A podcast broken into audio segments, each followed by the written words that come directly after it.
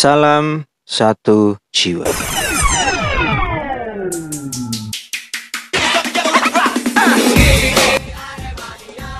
Sepak bola Indonesia sempat dimeriahkan kompetisi sepak bola elit bernama Liga Sepak Bola Utama atau Galatama. Kompetisi ini merupakan liga sepak bola semi profesional pertama di Indonesia yang berada di bawah naungan PSSI. Galatama merupakan bagian terpisah dari kompetisi sepak bola yang sudah dimulai terlebih dulu dan dikenal sebagai kejuaraan nasional perserikatan. Ketika itu kompetisi sudah tak bersifat amatir melainkan semi profesional. Galatama melakoni musim pertamanya pada tahun 1979. Awalnya Galatama tidak terbagi dalam beberapa divisi, namun terdapat beberapa musim di mana ada dua divisi yakni pada tahun 80, 83 dan 90. Galatama awalnya juga memperbolehkan adanya pemain asing, namun aturan itu hanya berlaku sampai musim kompetisi 1982. Kemudian, larangan menggunakan pemain asing membuat pamor Galatama belakangan menurun. Galatama kemudian diterpa kecurigaan main mata antara sejumlah klub hingga isu suap. Galatama akhirnya ditinggalkan penontonnya dan bahkan klub peserta banyak yang mengundurkan diri. Pada tahun 1994, Galatama dan Perserikatan digabung menjadi Liga Indonesia. Sampai saat ini masih ada klub Galatama yang eksis mewarnai sepak bola Indonesia. Lantas, siapa saja klub Galatama yang masih eksis dan berusaha konsisten di Indonesia? Yang pertama ada Mitra Kukar. Mitra Kukar merupakan nama baru dari Niak Mitra, klub yang pernah eksis di Galatama. Niak Mitra terbentuk pada tahun 1979 dan bermarkas di Surabaya. Niak Mitra ketika itu dikenal sebagai klub penguasa Galatama setelah berhasil meraih gelar juara pada musim 80-82 8283 dan 8788 serta satu kali runner up di musim 8889. Niak Mitra kemudian berganti nama menjadi Mitra Surabaya pada tahun 93. Kemudian Mitra Surabaya hijrah ke Palangkaraya, Kalimantan Tengah setelah turun kasta dan berganti nama menjadi Mitra Kalteng Putra pada tahun 99. Mitra Kalteng Putra kemudian berganti nama lagi menjadi Mitra Kukar atau Mitra Kutai Kartanegara pada tahun 2003. Hal itu terjadi setelah klub tersebut diakuisisi oleh pemerintah Kabupaten Kutai Kartanegara. Disokong pendanaan yang melimpah membuat Mitra Kukar bangkit dan menjadi peta kekuatan baru dalam sepak bola Indonesia. Pada 2012, Mitra Kukar berhasil kembali ke kompetisi elit Indonesia. Sayangnya pada 2018 Mitra Kukar gagal bertahan di kompetisi elit Indonesia yang sudah bernama Liga 1. Sejak saat itu sampai sekarang klub berjuluk Naga Mekes masih bertahan di Liga 2, kasta kedua sepak bola Indonesia. Yang kedua, ada nama Barito Putra. Baritoro Putra merupakan klub alumni Galatama yang masih eksis sampai saat ini. Klub kebanggaan masyarakat Kalimantan Selatan itu lahir pada 21 April 1988.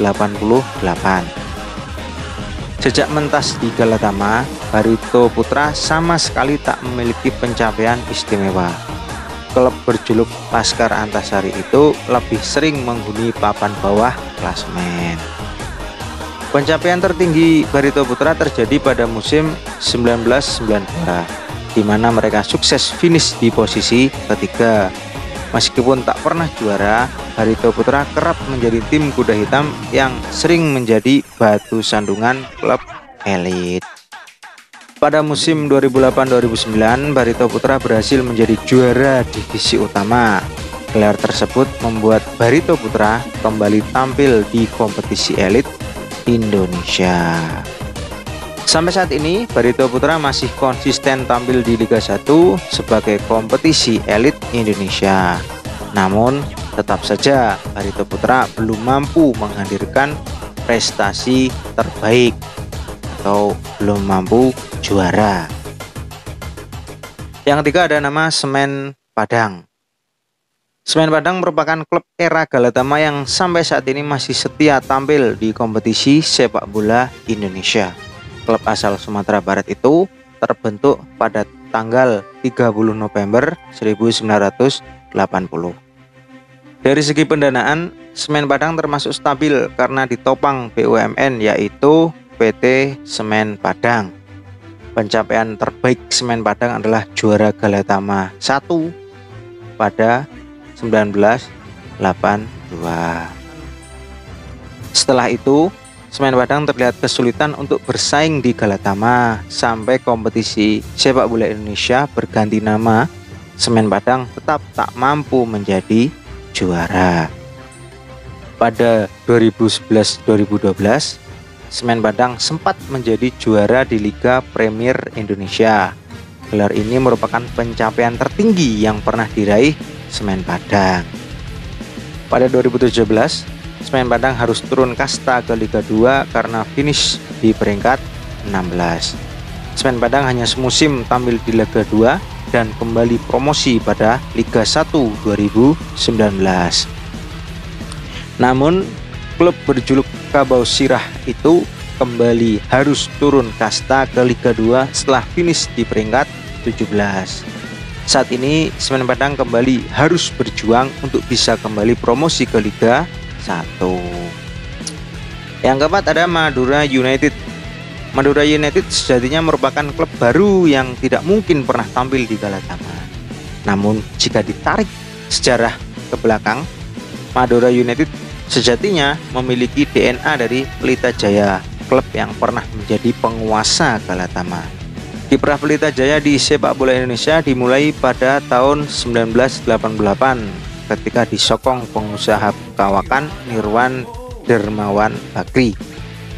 Kuatnya pendanaan yang dimiliki membuat Pelita Jaya berhasil menjadi klub yang disegani ketika itu.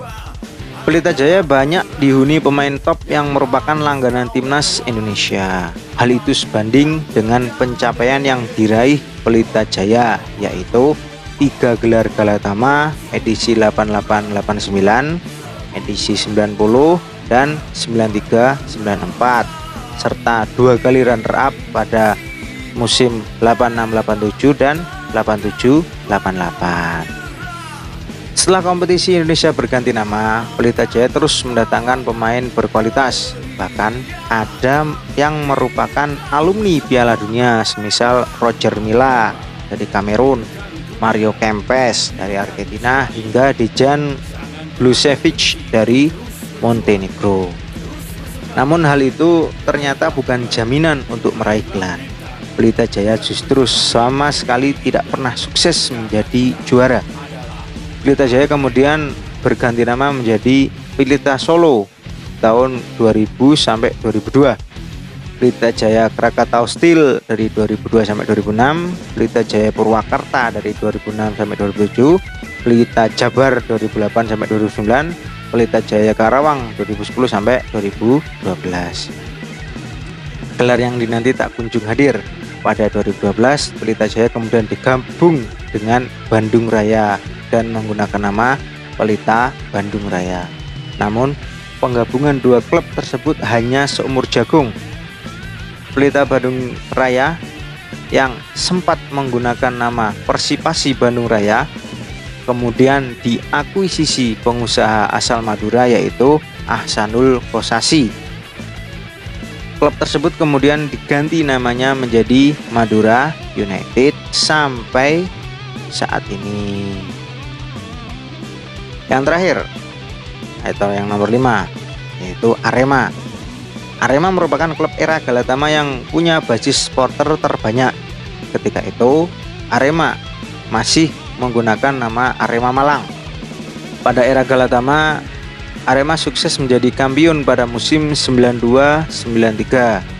Saat kompetisi berganti bentuk menjadi Liga Indonesia, Arema pun tetap bisa eksis walaupun belum pernah juara. Arema tercatat 6 kali masuk 8 besar Liga Indonesia. Musim 99-2000 musim 2001 2002 2005 2006 dan 2007 Arema kemudian sukses meraih dua gelar Piala Indonesia edisi 2005, 2006 dan satu gelar ISL di musim 2009-2010.